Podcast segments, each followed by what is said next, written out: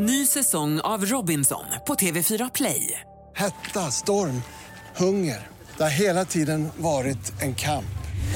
Nu är det blod och tårar. Fan händer just nu. Det. Detta är inte okej. Robinson 2024, nu fucking kör vi! Streama söndag på TV4 Play. Du lyssnar på en podcast från Expressen. Ansvarig utgivare är Thomas Mattsson. Fler poddar hittar du på expressen.se podcast och på iTunes.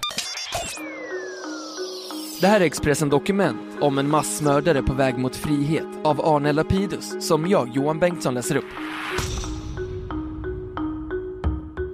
Rekordmånga dömda sitter inne på livstid i svenska fängelser och regeringen lägger fram ett omstritt förslag om att de ska bli fler.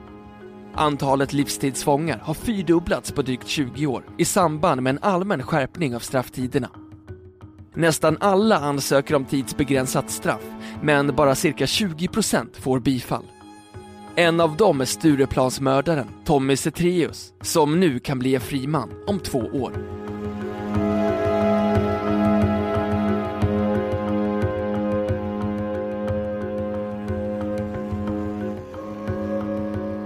Idag avtjänar 144 intagna livstidsstraff i svenska fängelser. Bland dem några av landets mest kända brottslingar.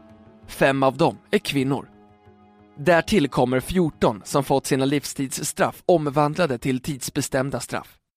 Samtliga är dömda för mord. Siffran ska jämföras med 1991 då det bara fanns 35 livstidsfångar. Den kraftiga ökningen beror enligt kriminalvården dels på att fler döms till livstid, dels på att de livstidsdömda avtjänar fler år än tidigare. Men regeringen anser att fler livstidsdomar borde utdömas och vill därför skärpa lagstiftningen. Det är också ett uttryck för ett hårdare kriminalpolitiskt klimat. Politikerna och domstolarna har blivit tuffare jämfört med till exempel de mjukare attityderna under 70-talet. Sedan 2009 kan livstidsfångar ansöka om tidsbestämt straff. 138 fall har prövats och av dem har bara 30 fått bifall enligt kriminalvården. Resten har fått avslag eller avskrivits. Tommy Zethraeus, mannen som mördade fyra människor på Stureplan 1994, tillhör den minoritet som fått positivt svar. Örebro tingsrätt, som har hand om alla sådana ansökningar, har beslutat att tidsbegränsa hans straff till 33 år. Det innebär att han kan vara ute 2016, då han har suttit inne i 22 år, alltså med villkorlig frigivning efter normalt två tredjedelar av strafftiden. Tidigare var straffet för mord antingen 10 år eller livstid. Men 2009 ändrades den till antingen 10 till 18 år eller livstid. När man införde det fick man en gradering för mord och livstid blev förbehållet de allra allvarligaste brotten, säger Jack Ågren, universitetslektor i straffrätt vid Stockholms universitet. 2006 blev det möjligt att omvandla livstidsstraff till tidsbestämda straff. De kan enligt lagen aldrig bli kortare än 18 år. Tidigare kunde man bara få kortare straff genom att regeringen beviljade nåd.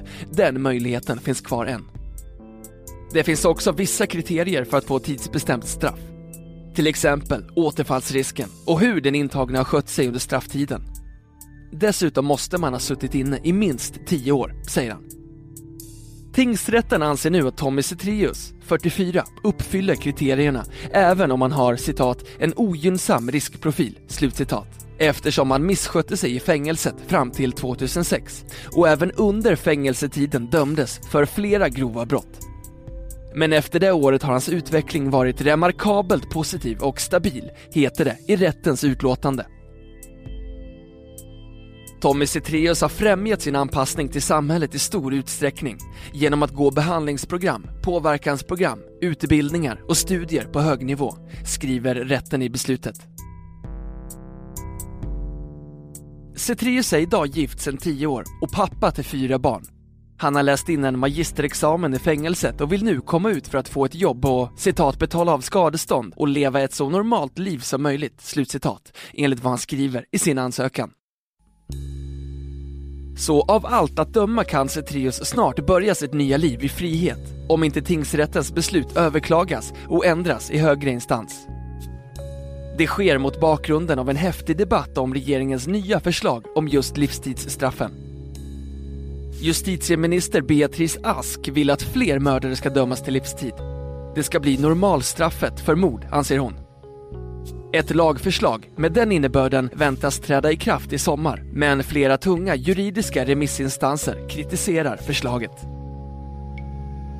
Att ta livet av någon är den mest klandervärda handling man kan utföra och det finns ett behov av att markera hur allvarligt samhället ser på detta, sa Beatrice Ask när hon presenterade sitt förslag förra året. Ask anser inte att den straffskärpning som infördes 2009 är tillräcklig.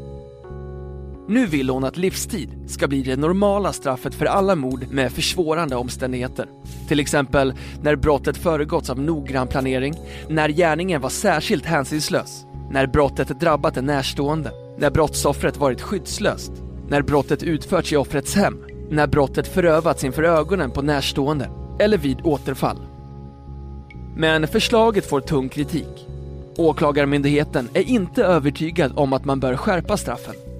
Inte heller hovrätten för Västra Götaland. Också kriminalvården är skeptisk. Advokatsamfundet anser att det har gått för kort tid sedan straffet skärptes senast och att man inte gjort någon utvärdering och tillägger att det finns skäl att tro att förslaget är en del i den partistrategiska planeringen inför 2014 års val. Varför skärpa straffen överhuvudtaget? Antalet mord ökar inte. Siffran är mer eller mindre konstant. Många mord sker i stridens hetta, eller är uppgörelser i undre världen. Kommer man åt dem med hårdare straff, säger straffrättsexperten Jack Ågren på Stockholms universitet. Elaka tungor säger att förslaget läggs fram för att det är valår, men frågan är om det verkligen finns brett stöd för hårdare straff, säger han. Kriminologiska institutionen vid Stockholms universitet avvisar i sitt remissvar bestämt regeringens förslag om strängare straff och sammanfattar de senaste årens utveckling så här. Utvecklingen är entydig. Domstolarna och justitiedepartementets nådepraxis har skärpt synen på mord. Fler fall rubriceras som mord, fler personer döms till fängelse istället för till rättspsykiatrisk vård, fler döms till livstidsfängelse och både den bestämda tiden och den förvandlande tiden har blivit längre. Det finns inget i litteraturen som tyder på att det dödliga våldet eller mordbrottsligheten i motsvarande grad skulle ha blivit grövre. Fallet Cetrius återspeglar kontroversen om huruvida dagens straff är tillräckligt hårda. Juridiska experter är oeniga. Tidigare överåklagaren Sven-Erik Alhem anser att Cetrius brott är så fruktansvärda att han borde sitta i fängelse länge till. Kriminologen Jerzy Sarnecki är dock inte förvånad över tingsrättens beslut. Han har suttit fängslad väldigt länge och det är inte konstigt att han till slut får straffet omvandlat. 33 år är ett långt straff och till slut måste väl alla människor ha sonat sina brott, säger Sarnecki. Morden vid restaurangen på Sturekompaniet på Stureplan i Stockholm den 4 december 1994 skedde då Tommy Cetrius och två av hans kompisar hade vägrats inträde. En manlig dörrvakt och tre kvinnliga gäster sköts ihjäl när Cetrius öppnade eld rakt in i restaurangen. Dessutom skadades 21 människor av kulor och glassplitter.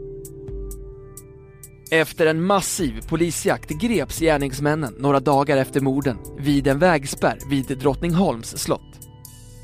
Svea hovrätt slog fast att Citrius hade skjutit 20 skott med avsikt att döda. Han dömdes för fyra mord och flera mordförsök. Cetrius var dömd för brott även före morden.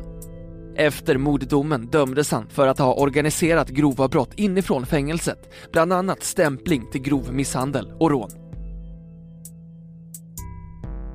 Är väl medveten om det brott jag dömdes för 1995 och är idag djupt ångerfull och skamsen. Det begångna brottet var inte planerat och inte heller ett led i systematisk brottslighet, skrev Tommy Cetrius i sin ansökan om tidsbestämt straff.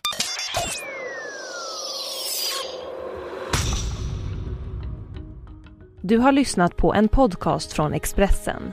Ansvarig utgivare är Thomas Mattsson. Fler poddar finns på Expressen.se och på iTunes.